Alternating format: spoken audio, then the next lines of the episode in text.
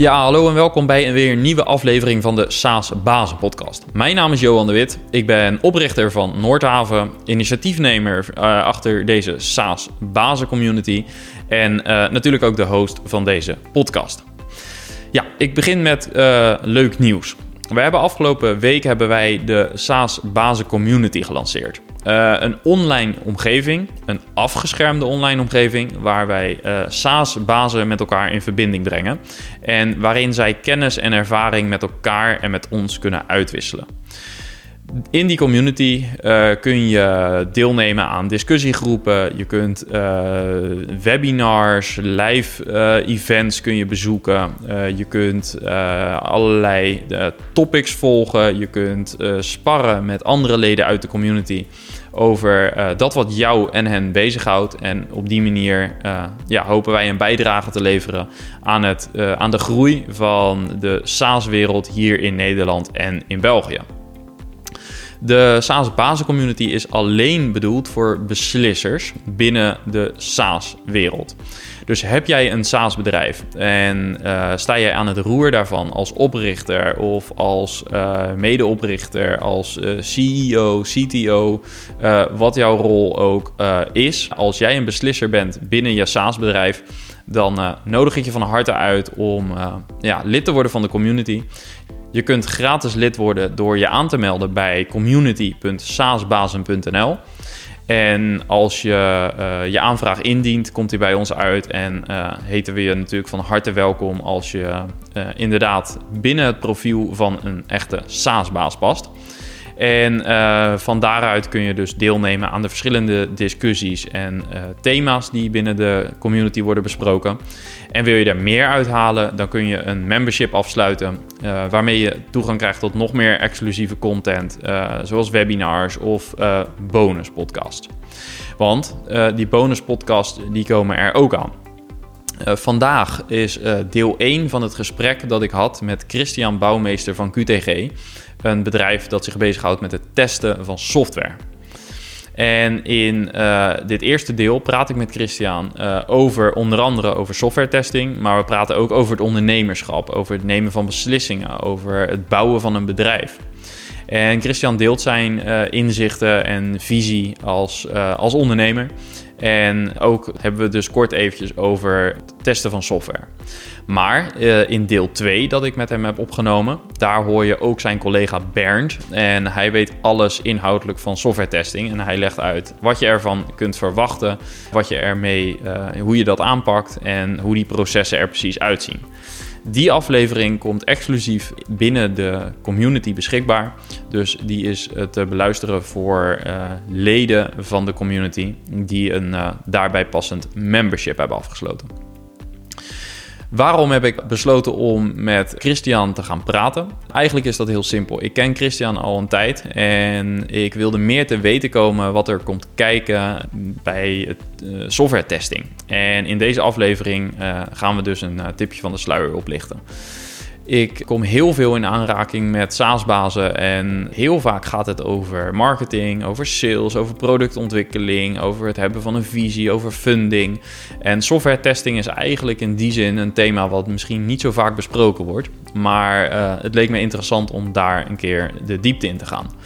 Dus daarom in deze aflevering dus een introductie. En voor iedereen die meer wil weten, kijk op de community.saasbazen.nl om uh, toegang te krijgen tot de omgeving waarin je dus de extra aflevering ook kunt beluisteren. Goed, wil je na software testing meer weten over bijvoorbeeld ook security? Neem dan contact op met onze security partner, Security. Security helpt SaaS-bedrijven met het beveiligen van applicaties. En in aflevering 11 hoor je Casper en Vincent van Security. En via hun website security.nl kom je rechtstreeks met hen in contact. Goed, dan gaan we nu verder zonder uh, verdere introductie luisteren naar Christian Bouwmeester. Heel veel plezier! Goed, Christian Bouwmeester, van harte welkom in uh, deze aflevering van de SaaS Bazen Podcast. Uh, leuk dat ik je virtueel mag interviewen, dat is toch even wennen. Ja, um, heel voor de uitnodiging. Ja, um, voordat we gaan starten, um, is het eerst altijd uh, natuurlijk fijn om de luisteraar even te vertellen uh, wie je bent, wat je doet. ik heb uh, zelf natuurlijk wat research gedaan, we kennen elkaar ook wat, al wat langer. als ik je google, dan zie ik vooral heel veel sport en charity. Ik zie de term Ironman voorbij komen. maar ik denk dat jij het vast veel beter kan uitleggen wat jou het best omschrijft. Dus de floor is yours. Oeh, nou, uh, ik ben Christian Bouwmeester en ik word door mijn vrouw altijd uh, liefstallig uh, omschreven als gymjuf.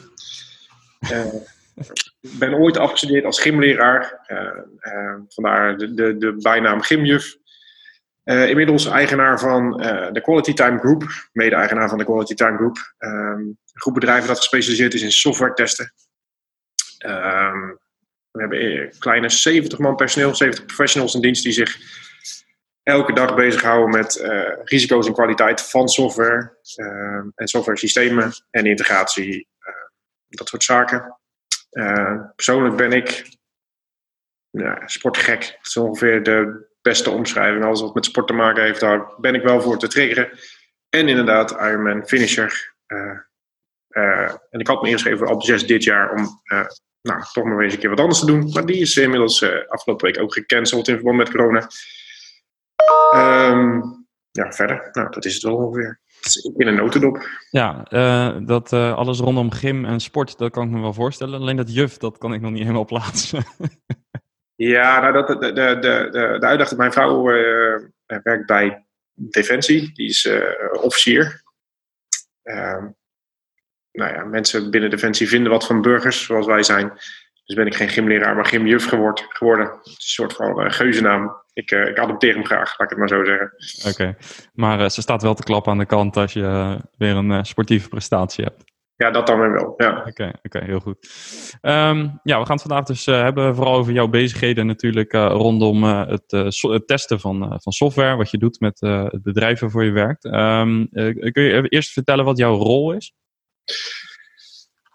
Uh, nou ja, om in de IT te blijven, uh, omschrijf ik mezelf altijd een beetje als de scrum master van het, uh, van het stel. Ik zorg ervoor dat mijn medewerkers hun werk zo goed mogelijk kunnen doen. Dus ik ben los van titel, in titel directeur ben ik, doe ik zaken op HR, ik doe zaken op marketing, een stukje sales erbij. dus ik, ik pak eigenlijk alles op uh, wat er op te pakken valt om, te, om ervoor te zorgen dat mijn medewerkers optimaal kunnen functioneren. Um, dus een breed takenpakket. Um, ja, we zijn er niet een ouderwets ingerichte hiërarchische organisatie. Dus uh, maakt mijn functie wel des te leuker eigenlijk. Ja, en uh, je gaf net al aan, we zitten op het moment van opnemen zitten we volop in de coronacrisis. Uh, denk zo ongeveer de tweede week dat het echt dat het leven hier een beetje plat ligt. Um, als het gaat om jouw marketing- en saleswerkzaamheden, uh, wat, wat merken jullie qua impact op dat vlak? Nou ja, wat je ziet is dat, uh, dat, dat afspraken maken, in ieder geval één op één, dat gaat, uh, live afspraken maken, dat gaat sowieso niet meer. Ehm, en wat wij heel sterk merken is dat het aantal opdrachten terugloopt, omdat mensen ehm, onzeker zijn over wat er allemaal nog gaat gebeuren. En er zijn natuurlijk een aantal grote bedrijven die die al besloten hebben om alle externe buiten te gooien. Bedrijven als KLM, uh, Holland Casino, alles wat met horeca te maken heeft, alles wat met retail te maken heeft. Die hebben al hun contracten, al hun opdrachten gewoon gecanceld. Um, omdat die helemaal niet weten wat er gaat gebeuren. Uh, alle andere bedrijven, bedrijven als de Raadbank of MoneyU, die hebben IT natuurlijk als vitaal, uh, vitaal onderdeel. Dus daar loopt er nog niet zo'n vaart. Ja, daardoor, doordat er minder opdrachten zijn, zijn er ja, zijn er wel meer spelers op de markt voor die ene opdracht die dan wel voorbij komt. Dus je merkt zelfs technisch dat het harder werken is of harder werken is. Dus de markt is gewoon wat concurrerender. Uh, en het komt dus nu nog meer op uh, aan op relaties en, en minder op ja, gewoon de sales, zeg maar. Ja. Dus je moet echt hebben van je relaties, van je warme relaties. Ja, en het uitvoerende werk, kan dat wel doorgaan? Jullie consultants, kunnen die uh, het meeste gewoon op afstand doen of worden ze toch nog uh, verwacht op locatie? Ik denk dat uh, 90% van onze medewerkers uh, vanuit huis werkt. Even een grove inschatting. Het is heel grappig dat bedrijven waar het altijd een discussie is geweest, thuiswerken en is lastig. En productiviteit, um, hoe gaan we daarmee om? Is dat we nu al onze medewerkers aangespoord hebben, hey, dit is het moment om te bewijzen dat productiviteit niet terugloopt als je gaat thuiswerken. Als wij met z'n allen willen zorgen voor, nou, als bedrijf zijn, minder file, minder uitstoot, minder belasting van, van, van, van de wegen en, en het milieu, zeg maar, dan is dit het moment om te bewijzen dat het kan. Dat we wel met z'n allen thuis kunnen werken. Want waren jullie daar al mee bezig? Ja, ja, ja. We hebben um, een van de dingen die we voor komend jaar gepland hadden, is uh, om met al onze opdrachtgevers af te spreken dat onze mensen sowieso één dag in de week thuiswerken. Um, um, omdat we gewoon zien dat het kan en het is mogelijk. en wat, wat, hoe organiseren jullie dat? Hebben jullie daar bepaalde tools voor? Uh, hoe ziet die meetingstructuur, dat soort dingen? Hoe ziet dat eruit bij jullie? nou, wij gebruiken zelf uh, Office 365 al een hele tijd en daar is Teams onderdeel van. En ook daar zie je dat waar de implementatie van teams binnen de organisatie, binnen onze eigen organisatie, best wel nou, een tijdje heeft geduurd. Hè. Een beetje WhatsApp hier, een beetje Slack en een beetje Signal. Zie je dat nu in één keer uh, we met z'n allen in staat zijn om te kunnen centraliseren en één tool te kiezen van dit is dan toch het makkelijkst. Uh, dus dat heeft bij ons ook een sprong gemaakt, wat heel fijn is. Dus wij gebruiken Teams voornamelijk, omdat we toch al aan Microsoft vastzaten. En je ziet dat uh, dat bij onze meeste klanten ook wel zit, omdat ze toch al een vorm van Microsoft product in huis hebben.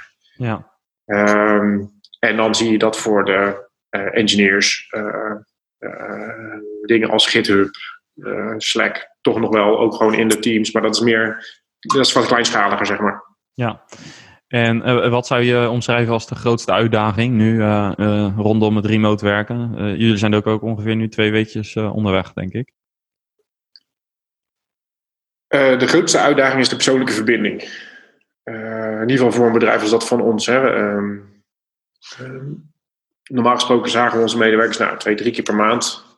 Omdat ze meestal bij een opdrachtgever zitten. En nu is dat minder omdat het allemaal online is. En dat contact is. Uh, het contact online is gewoon anders.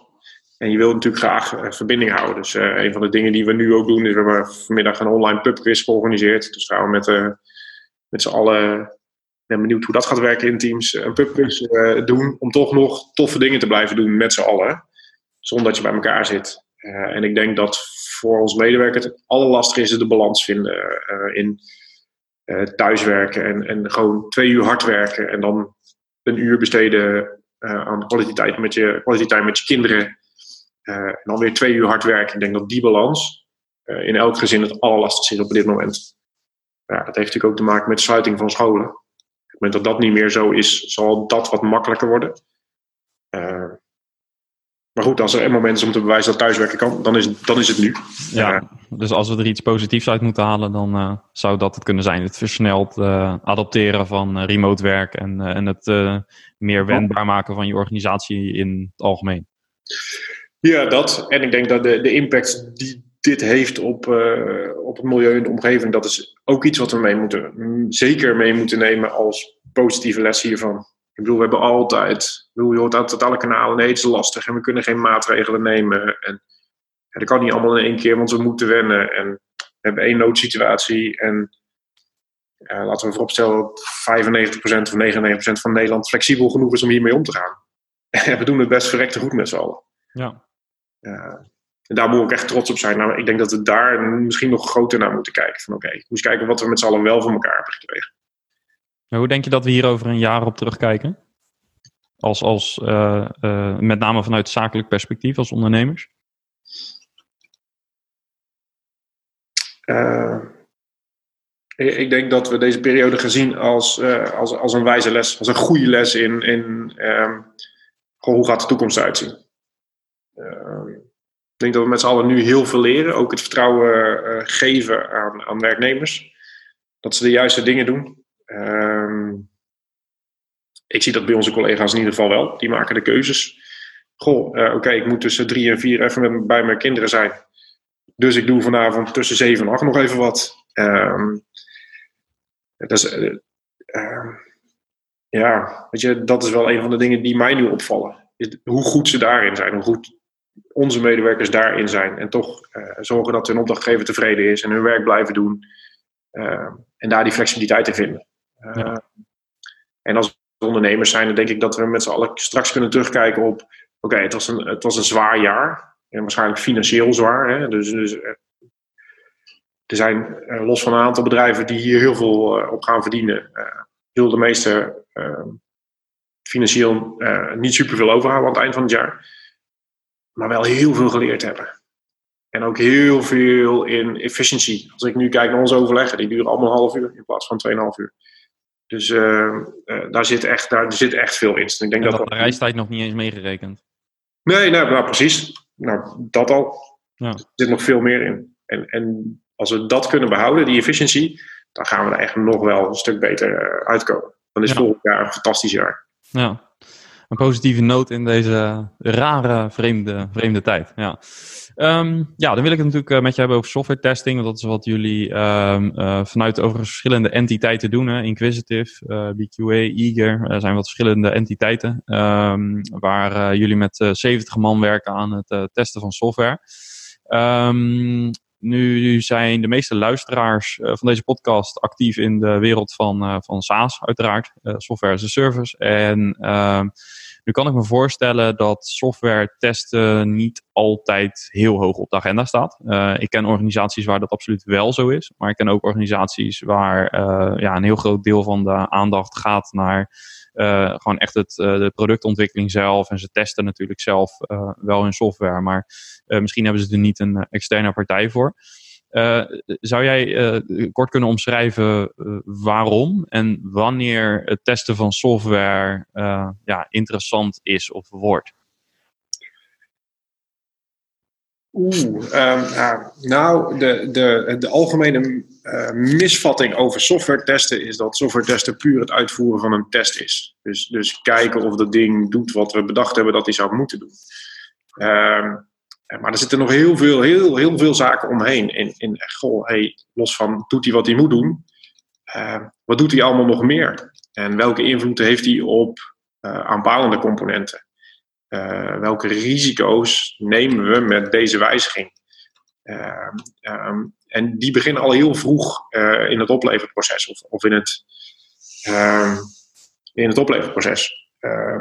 Dus als je moet kijken naar waar, waar gaan we testen aanhaken, waar gaan we een tester aanhaken, ehm, dan moet dat meteen aan het begin zijn. Dus het moment dat je bezig gaat met het ontwerpen van een nieuw product, is laat eens iemand die die verstand heeft van risico's en van, van de kwaliteit van, van producten. En de inschatting daarvan is meedenken over: hey, dit is het product wat we gaan maken, welke risico's gaan we straks zien? Uh, want ook in de keten, uh, met name met SaaS-producten, die komen natuurlijk ergens binnen bij een bedrijf en vallen in de keten, in de softwareketen van dat bedrijf. Dat product heeft invloed op die hele omgeving. En die inschatting, dat is waar de meeste uh, bedrijven misgaan, omdat ze een gegeven moment de componenten wel getest hebben, maar niet de hele keten. Uh, en niet dus de invloed van dat kleine stukje wat zij opleveren in het hele stuk. Um, is een beetje, pas hij iemand, ja, je moet het een beetje zien als de, als de vakschilder, zeg maar. Die ene pennenstreek die die doet, of die, met die kwaststreek die die doet, dat zien wij als schilderen. Maar daar, daar, daar zit een heel stuk aan vast, al van tevoren. Dus hè, het opschuren, uh, het glad maken, het nog een keer wassen, het nog een keer opschuren. En die ene kwaststreek, dat is de, het finale stuk op datgene wat er allemaal al gebeurd is en wat het product zo mooi maakt. En dan zo moet je ook een beetje naar testen kijken. Um, Alleen misschien, misschien zit um, ook, um, nee, je begon met het woord misvatting, misschien zit hem die daar ook in, dat uh, het misschien niet zo'n heel zichtbaar proces is. Uh, het, op het moment dat je een front-end developer aan de slag uh, laat gaan om een frontend te maken voor een applicatie die gebouwd wordt, dan zie je elke dag progressie. En met testen is dat misschien wat abstracter. Um, ja, dat klopt. Want je, uh, um, de toegevoegde waarde van testen is altijd lastig te bewijzen. Hè? De, de, ehm, je, je weet pas de impact op het moment dat je het niet gedaan hebt.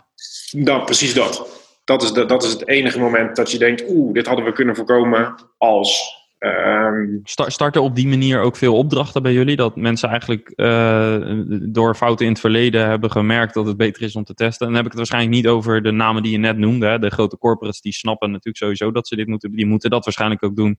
Alleen al in verband met verzekeringen, opleveringen en dat soort zaken. Mm -hmm. Maar uh, in een start-up heb je misschien die les nog niet geleerd. Uh, als je met een team van twee, drie developers eraan werkt, dan zou je misschien uh, wat meer geneigd zijn om het zelf te testen. Uh, in plaats van dat je een extern iemand laat invliegen.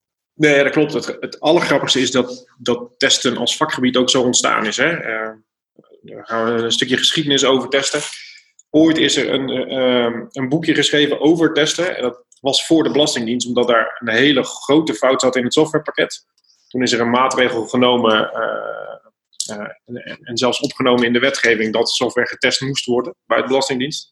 En daar is het hele software testvak uit ontstaan, in Nederland in ieder geval. Um, en dat, dat, dat zie je vaak, wat je, nou, wat je ziet een beetje een tweesprong. Je ziet de, wat oudere wereld, hè, en dan praat ik inderdaad over de grotere corporates en zo, die, die weten allemaal wel dat er getest moet worden en die zien het als een soort van, okay, dit, hoort, dit hoort erbij, zeg maar. Um, maar ook die vergeten regelmatig vroeg aan te haken. Hè. Die komen op een gegeven moment, oh, oh jee, maar uh, we moeten ook nog gaan testen. En dan zijn we al halverwege het proces. Dan, zou je al een hele hoop uh, uh, fouten, laat ik het ja, uh, een hele hoop risico's al afgedekt kunnen hebben, bijvoorbeeld in het ontwerp al. Um, en wat je ziet is dat de, de nieuwere start-up vaak, Elon Musk, ze roept altijd zo heel mooi, mijn software is altijd in een soort van beta-status. en die laten het dan testen door gebruikers en die zorgen dat alles wat ze dat stukje wat ze dan vrijgeven, dat dat nou ja, voor 90% zeker werkt. Um, maar ook dat soort bedrijven hebben juist kwaliteitsmensen en risicomensen aan boord. Ik bedoel, iemand, je kunt een Tesla, een zelfrijdende functie, daar, daar kan geen fout in zitten. Daar moet je voor 100% zeker weten dat het werkt zoals het zou moeten werken. Um, dus mijn advies, uh, en dat is natuurlijk een beetje preken, voor eigen parochie, is joh, laten ze gewoon een, een halve dag iemand meekijken naar je product als het gaat uh, om, om, het, om een nieuw softwareproduct. En denk eens gewoon eens even sparren over risico's. Hè? Waar, waar, waar, loop je nou tegenaan? Wat, wat, wat zou je doen? Um, en er zijn genoeg bedrijven als die van ons die daar best eens een half dag gaan willen besteden, omdat we het ook gewoon tof vinden om te praten over, over nieuwe producten en mee willen denken. Um, ja. Ja, en eh, dan heb je het met name over risico's. Uh, het andere element wat je al even noemde is uh, kwaliteit. Um, hoe bepaal je zeg maar in een vroeg stadium ja, wat de, de beoogde kwaliteit is? Doe je dat samen met de opdrachtgever of hebben jullie bepaalde standaarden daarvoor? Uh, ik ben daar zelf niet bekend mee, dus ik ben benieuwd hoe dat dan, hoe zo'n project start. wat, wat zijn de uitgangspunten? Hoe bepaal je die? Ja, dat, dat, hangt een beetje van de industrie af. Er zijn een aantal kwaliteitsstandaarden, een aantal ISO-normen voor, voor een aantal producten die sowieso al wel bestaan. Maar als je kijkt naar software, is dat met name, joh, ga eens praten met je eindgebruikers gewoon wie gaat nou mijn product gebruiken en wat verwacht hij van mijn product? En wanneer vindt hij het een goed product? Want dat is waar je dan praat over als het gaat om kwaliteit. Hè? Uh, uh, en dat vertalen naar, maar hoe ziet, het dan, hoe ziet dan mijn product er uiteindelijk uit? Dus, dus, dus waar we het net hadden over de risico's, daar heb je het nu ook hier bij kwaliteit gaat het ook echt om de interface, om de UX. Ja, oké. Okay, ja. Ja, en ook over het proces. Hè. Hoe, loopt, hoe, hoe loop ik door mijn product heen? En is dat wel logisch? Want ik kan het wel logisch vinden, maar uh, vindt mijn uiteindelijke uitgebreider dat ook logisch? Dus uh, een van de, de, de veelgemaakte fouten door grote corporates is dat ze een nieuw pakket inkopen. Uh, en dan bedenken, oh, we gaan het wel inpassen in ons lopende proces. En dan zie je dat ook al kopen ze een pakket in, het toch een soort van maatwerk wordt, omdat ze alles moeten aanpassen zodat het maar aan hun proces voldoet. In plaats van te bedenken, oké, we kopen nu gewoon een pakket in. Hoe ziet dat proces eruit en moeten we dan ons proces herschrijven? Dat is vaak een goedkopere oplossing. Daarvoor moet je wel je mensen mee hebben en dus je mensen meenemen in dat verhaal. Uh, ja, een klant van ons die uh, maakt uh, software voor service management. En daarin merk je ook dat uh, zij een verschuiving hebben gezien in de afgelopen nou, behoorlijk wat jaar. waar bedrijven eerst heel erg vroegen om software die hun product of hun proces supporten. Met heel veel maatwerk. is dat je de laatste jaren eigenlijk veel meer ziet dat organisaties geleerd hebben van die maatwerktrajecten. En dat ze steeds meer op zoek zijn naar een best practice. Ja. En een van onze eerdere gasten, uh, Simplicate, ook daar hebben ze dat gezien. Dat ehm, ja, het, het vaak beter is om een product te ontwikkelen op basis van een visie. je, je eigen proces eigenlijk als het ware schetsen. op basis van ervaringen binnen die gebruikersgroep, binnen die markt. En echt een, een, naast de software die je aanlevert, daar zitten ook geïntegreerde workflows, processen in, die gewoon getoetst zijn in de industrie. En dat, dat, dat, je, dat steeds meer afnemers zich ervan laten overtuigen dat het beter is om van die best practice gebruik te maken in plaats van het wiel opnieuw uit te vinden. Ja. en dat is dus ook iets wat jullie ook zien. Dat je eigenlijk meer vanuit die best practice, dat dat een, de, de norm of de kwaliteitsstandaard kan zijn. Ja, en dat je merkt dat dat bij de, de jongere bedrijven wat makkelijker gaat dan bij de oude corporates. De oude corporates hebben gehouden van, hé, maar dit is proces, dit is al wat we jaren zo doen en dit is wat voor ons werkt. Uh, uh, en, maar daar ehm, zitten misschien ook juist de risico's aan op het moment dat ze ehm, hun interne processen gaan veranderen. Want uiteindelijk zal er iets moeten veranderen. Dus ook daar zal je dan misschien een soort conflicten kunnen krijgen. Nou ja, waar, waar, ze vaak, waar, ze, waar ze vaak tegenaan lopen is dat ze denken dat in het proces wat ze afhandelen een, een unique selling point zit. Of iets zit wat, wat hun dan uh, beter maakt dan de concurrent. Maar dat zit hem niet in het proces, dat zit hem in het product, in het uiteindelijke product en in, de, in, in, in een stuk service. Um, een van de, de lastigste projecten in Nederland eh, de afgelopen jaren is het. Uh, het elektronisch, uh, de elektronische basisadministratie van de gemeentes geweest. Omdat gemeentes, alle gemeentes bij elkaar niet één proces kunnen beschrijven. Terwijl, ja, nou, dan gaan we even technisch horen. Een geboorte aanmelden of, of, een nieuw gemeentelid aanmelden is een plus één in een database. Meer is het niet. Uh, en een sterfgeval is een min 1. En dat moet ergens dan naar een, een databank geschreven worden als hey, die heeft hier ooit, ge, uh, heeft hier ooit gewoond of geleefd. Ehm, maar als je ziet waar daar de discussies over gaan, gaat het over, hé, maar ons proces ziet er anders uit. Terwijl technisch, de technische afhandeling, dat, dat, dat kan gewoon voor iedereen hetzelfde zijn. Dat je je proces zelf daaromheen, weet je, of je nou eerst een handje geeft en mensen feliciteert, of je doet eerst uh, paspoortvragen en gaat dan mensen feliciteren. Dat doet er niet zoveel toe, maar dat is wel waar op een gegeven moment de discussies over gaan. Um, en is dat ook het niveau waarop jullie consultants meedenken? Of want ik kan me voorstellen dat zij dan ook heel veel tijd mm, eh, bezig zijn uh, of kwijt zijn aan onderzoek. Nou, je, wat je, uh, hier zijn we gelukkig niet bij betrokken geweest. Ehm, wat, je, wat we wel veel al doen is met gebruikers praten. Ehm, en we zijn natuurlijk als software testers zijn een soort van spin in het web. Hè? We, we, we, praten met programmeurs en we praten met scrum masters en we praten met product owners. En we proberen datgene wat product owners en gebruikers uh, graag willen te vertalen naar, uh, naar de programmeurs. Gewoon, hey, jullie hebben nu zo gebouwd, dit is wat ze zien in, het project, in, uh, in hun proces. Hoe gaat dat passen en hoe gaan we dat aanpassen? Ehm, en dat is waar we veel al mee bezig zijn. Want er zit natuurlijk best wel wat ruis uh, in taalgebruik als het gaat tussen, uh, tussen gebruikers en programmeurs. Ja. En dat is denk ik waar we de meeste tijd mee bezig zijn. Om die vertaalslag te maken, die twee werelden, want het zijn echt twee totaal verschillende werelden, bij elkaar te krijgen. Ja. Helder. Um, we hebben besproken om uh, deze podcast in uh, twee delen te splitsen. Uh, waarvan dit uh, dus uiteraard uh, deel 1 is. In deel 2 gaan we het wat verder hebben over het, het testen. Ja. Die aflevering, die, dan schuift een consultant van jullie aan. daar gaan we echt wat meer de diepte in als het gaat om nou, het testen van software. de, wellicht de methodieken die gebruikt worden. Eigenlijk ja, een vervolg op waar we het nu over hebben. Um, die aflevering die komt exclusief beschikbaar in onze SaaS Bazen community. En uh, in uh, deze aflevering uh, wilde ik, nou, naast wat we net besproken hebben, ben ik ook benieuwd naar um, jouw tips, adviezen, ondernemerslessen die jij in de afgelopen jaren nou, hebt verzameld. Um, dus ik wil eigenlijk het, het, het, uitstapje, het overstapje gaan maken naar dat onderdeel. Um, ja, nogmaals, heel veel luisteraars uh, zitten in de fase dat ze uh, early stage of echt in een, een start-up fase zitten. Uh, natuurlijk zijn er ook scale-ups. Um, als jij nu met de, de ervaring die je hebt in het ondernemen, um, die je hebt opgedaan, Ehm, al zou jij nu een SaaS-product je, je komt op een SaaS-idee. Je, bedenkt een, je ziet een, een, een gat in de markt, je bedenkt daar een product bij, je gaat dat ontwikkelen. Um, wat zou dan op hoofdlijnen je roadmap zijn voor die eerste maanden om dat product succesvol te bouwen en op de markt te zetten? Zou je daar iets over kunnen zeggen? Wat is belangrijk? Nou, de, de eerste tip zou zijn: is begin met het eind in gedachten god, wat is nou datgene waar je uiteindelijk uit wil komen? Hoe ziet je bedrijf er dan uit? Ehm, eh, hoe ziet je product er dan uit? Eh, en ga vanaf daaraf terug, uh, gefaseerd terug in, oké, maar welke stappen moet ik dan, moet ik dan gaan nemen? Ehm, en onderschat de lengte van de stappen niet daarin.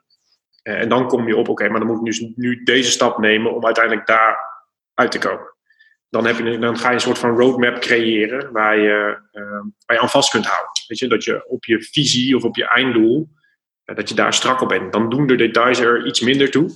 Uh, want wat je ziet, ik wat ik aan mezelf gemerkt heb, is dat als het einddoel niet helemaal helder is, de details vaak belangrijker worden of te belangrijk worden. En dan, dan gaat het, althans, dan heb je de neiging om te veel in de details te duiken. En daarmee bezig zijn al je tijd uh, te spenderen daaraan. In plaats van, oké, nee, maar we zijn bezig met het bouwen van bedrijf, van mijn bedrijf, van ons product, wat dat daar en daaruit moet komen. Dan is, goh, um, weet ik veel, gebruiken we Zoom of gebruiken we um, Teams als communicatiemiddel, doet er dan eigenlijk niet toe. Terwijl je ziet wel bij heel veel bedrijven dat daar echt heel veel discussie over kan zijn, omdat we uiteindelijk niet toewerken naar het eindproduct. Dus dat, als ik zou beginnen en ik had een idee, dan zou ik het hele idee uitwerken. En ook bedenken, maar hoe zou mijn bedrijf er dan uitzien? En hoe zou, en wat zou ik willen bereiken? Wie zou ik willen bereiken? Uh, uh, en vanuit daaruit stapsgewijs terugwerken. Oké, wat is dan de stap die daarvoor zit? En zo terugwerken naar helemaal het begin. Goh, daar zit ik dan op mijn zolderkamer met mijn laptop. Waar begin ik? Ja, en, en dus heel praktisch. Hè? Dus je zou het echt opschrijven of uh, visueel maken in een, uh, in een roadmap. Ja. ja, ik zou het visueel maken. Uh, um, de mens is voor 83% visueel ingesteld. Dus ga vooral in plaatjes denken en ga, werk dat voor jezelf uit. Hè? dat maakt ook als je je visie moet delen met anderen of je idee moet delen met anderen. En doe dat ook vooral. Hè? Ga vooral tegen iemand vertellen: dit is wat ik van dit, dit is wat ik wil bouwen, wat denk je ervan? Vraag feedback aan mensen. Dat is, dat is ook heel belangrijk, maar dat is makkelijker als je het visueel maakt, want dat wordt het voor mensen wat echter. In plaats van een verhaaltje, type, letters. Hm. Dat, dat is uh, wat lastiger. Ja. ja. Dus uh, niet te lijvige documenten maken met uh, mission statements en dat soort dingen, maar het visueel maken en daarover nee. over communiceren. Nee, precies. Ja. Met, met name ook om het team uh, wat eraan moet werken, om dat team ook uh, het juiste beeld te schetsen. Precies. Te weten waarvoor ze het doen. Ja. Um, zijn er nog andere dingen die jij, uh, want dan, dan, dan heb je dat plan, je, hebt, je hebt het gedeeld met de mensen met wie je het product gaat bouwen. Um, wat zijn in jouw ogen belangrijke aandachtspunten voor, voor zo'n moment? Dat je inderdaad, je hebt die visie, wat is de volgende stap? ja, de juiste mensen vinden. En, en, en um, wees daar echt, uh, ja, ik, niet, ik, wil niet, zeggen harteloos, maar wees daar in ieder geval hard in. Ik de beste bedrijven bouw je alleen maar met het juiste team. En kijk naar je eigen kunnen en, en ehm, en, en, wat mis ik, wat, wat mis ik aan, aan, eigenschappen zelf die iemand anders naast mij of iemand bij mij wel moet hebben? Welke kennis heb ik niet in huis en moet ik dus in huis halen? Um, uh, dat is, uh, ik zou ook echt vanaf het begin af aan met een coach gaan werken. Goh, iemand die, die je begeleidt, waar je vragen aan kunt stellen. Ik loop voor jouzelf? Voor jezelf, ja. Um, en, en zo echt een, een team formeren. En, en daarmee, de, de, daarmee je bedrijf gaan bouwen. Uh, alleen is vrij lastig. En je ziet dat, dat, um, dat alle grote bedrijven altijd een, een, in ieder geval een tweemanschap aan de leiding hebben staan, waarvan de ene visionair is, die de, die de visie uh, deelt, en dat er, ander, dat er een pragmatisch type naast staat.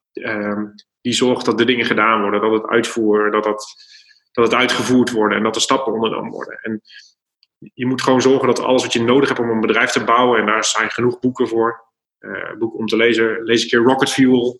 Uh, dan, dan, dat is wel een aardig boek om, om te beginnen met lezen, zeg maar.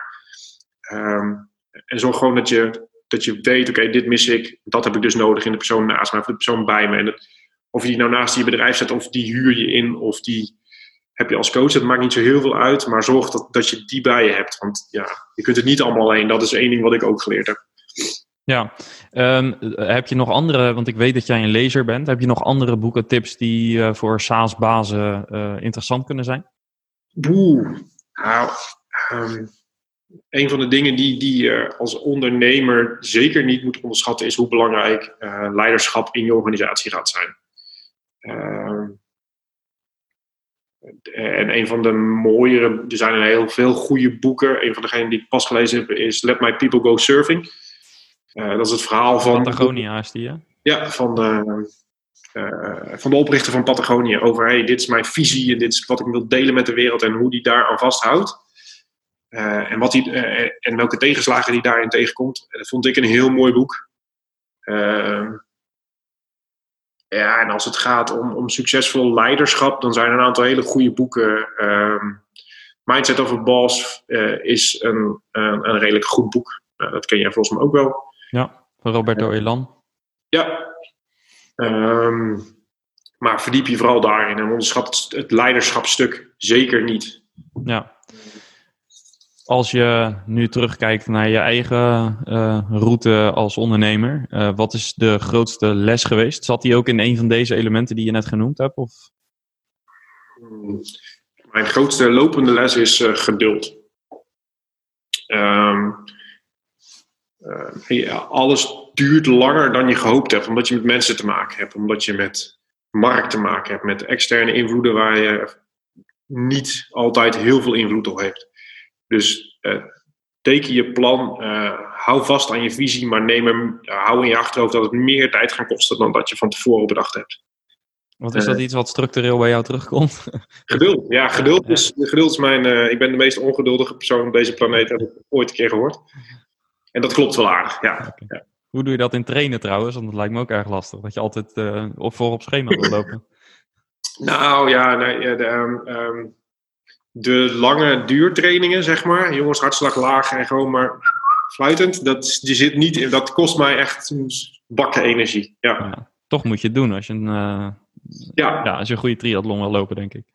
Maar dat weet je, dat weet je dan inmiddels ook. En, en ja. ook, in, uh, ook in mijn onderneming weet ik inmiddels dat ik af en toe geduld moet hebben en dus moet, tot tien moet tellen. En het zijn lessen die je leert, uh, maar dat kost me eenmaal meer energie en dat weet ik inmiddels ook. Ja, alright. Um, waar ik benieuwd naar ben, is uh, naar welk onderwerp of thema ben jij nog het meest nieuwsgierig als het gaat over het bouwen van een bedrijf, het runnen van een bedrijf?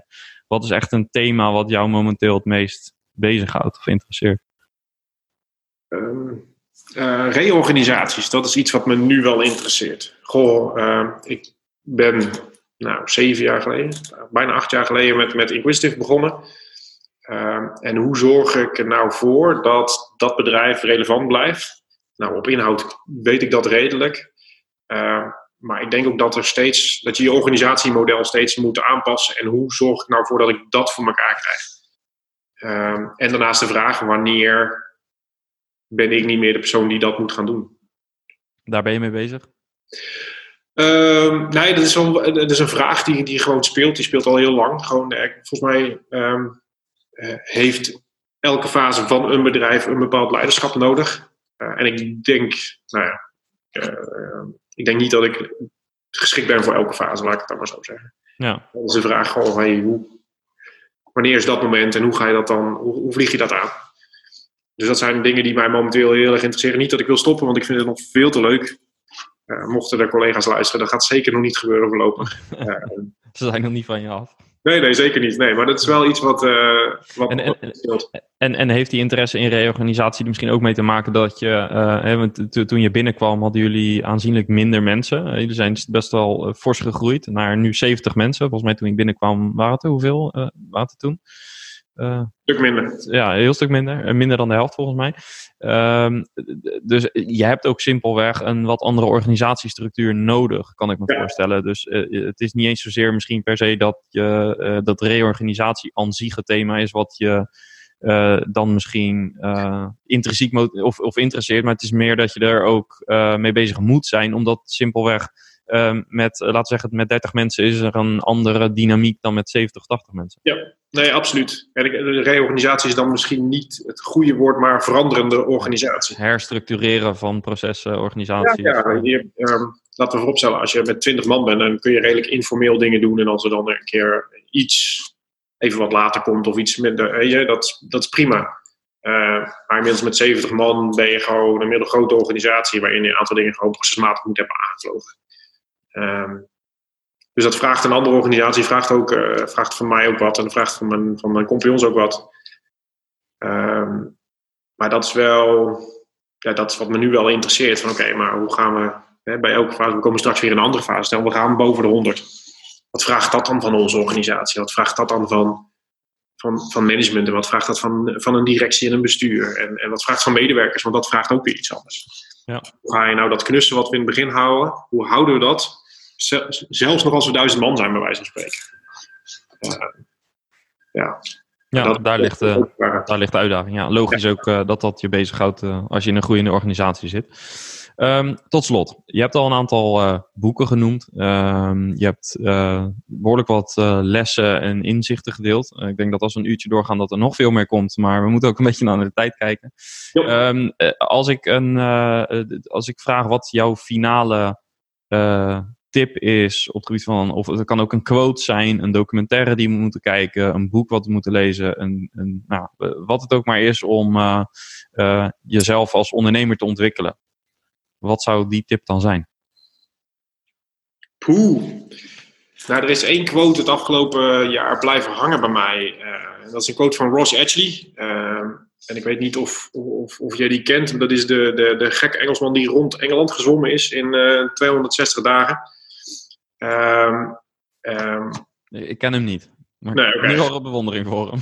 Ja, nou ja, kijk zijn vlogs. Hij heeft, hij heeft die, die, die, dat hele stuk vastgelegd. Hij heeft, het is een, een, een personal trainer, daar komt hij vandaan, zeg maar. Uh, hij heeft ook een mooi boek over geschreven, maar dat is niet... Uh, zijn volgende boek lijkt me een hele mooie, dat, dat, dat, dat uitkomt ergens in juli. The Art of Resilience heet dat. Maar ergens roept hij... Uh, ergens roept hij de quote... The question is so often irrelevant, hard work so often the answer. En als ik één ding geleerd heb um, in mijn ondernemerschap, is dat dat wel waar is. Dat, dat, uh, dat geldt nu ook in de coronacrisis, hè, waar, waar we dan nu in zitten. Weet je, welke vraag er ook oprijst, uiteindelijk moeten we dingen gaan doen. Uh, en moet je actie ondernemen, want zonder actie staan we gewoon stil. Um, um, en dat, dat, dat is iets wat ik heel sterk gemerkt heb als ondernemer. Ik ben de eerste die komt en de laatste die gaat, bij wijze van spreken. En dat is, ja, dat is wel een waarheid, zeg maar. Dus uh, dat is de quote die ik wel mee zou willen geven. Alright. Dat uh, is uh, denk ik ook goed om die boektitel in de gaten te houden, want uh, voor mij klinkt die ook interessant. Dus dank voor die tip, maar vooral bedankt voor het vertellen van open verhaal en het delen van al je tips en inzichten. ik denk goud waard voor mensen die nou ja, wat vroeger aan hun ondernemers journey staan. Uh, dus uh, ja, nogmaals heel erg dank. Wij gaan zo natuurlijk door met uh, jouw collega om wat meer naar het software testen nog te kijken. Yes. Um, en nou ja, voor nu zou ik zeggen nogmaals dank. Absoluut graag gedaan. Ja, en dat was dus mijn gesprek met Christian Bouwmeester. Wil je ook deel 2 horen, waarin ik uh, praat ook met Christian, maar vooral met zijn collega Bernd Meld je dan aan voor de SaaS Community via eh, community.saasbazen.nl en beluister daar de aflevering. Tot slot, um, natuurlijk uh, zie ik graag reviews uh, op deze podcast, want op die manier weet ik wat jij ervan vindt en kan ik er alles aan doen om ervoor te zorgen dat wij steeds betere podcasts gaan maken. natuurlijk mag je dat ook rechtstreeks naar mij doen. Voeg me toe op LinkedIn, Johan de Wit, en stuur me een berichtje. Dan kunnen we met elkaar in contact komen. Goed, voor nu heel erg bedankt voor het luisteren en natuurlijk tot de volgende aflevering. Bye bye.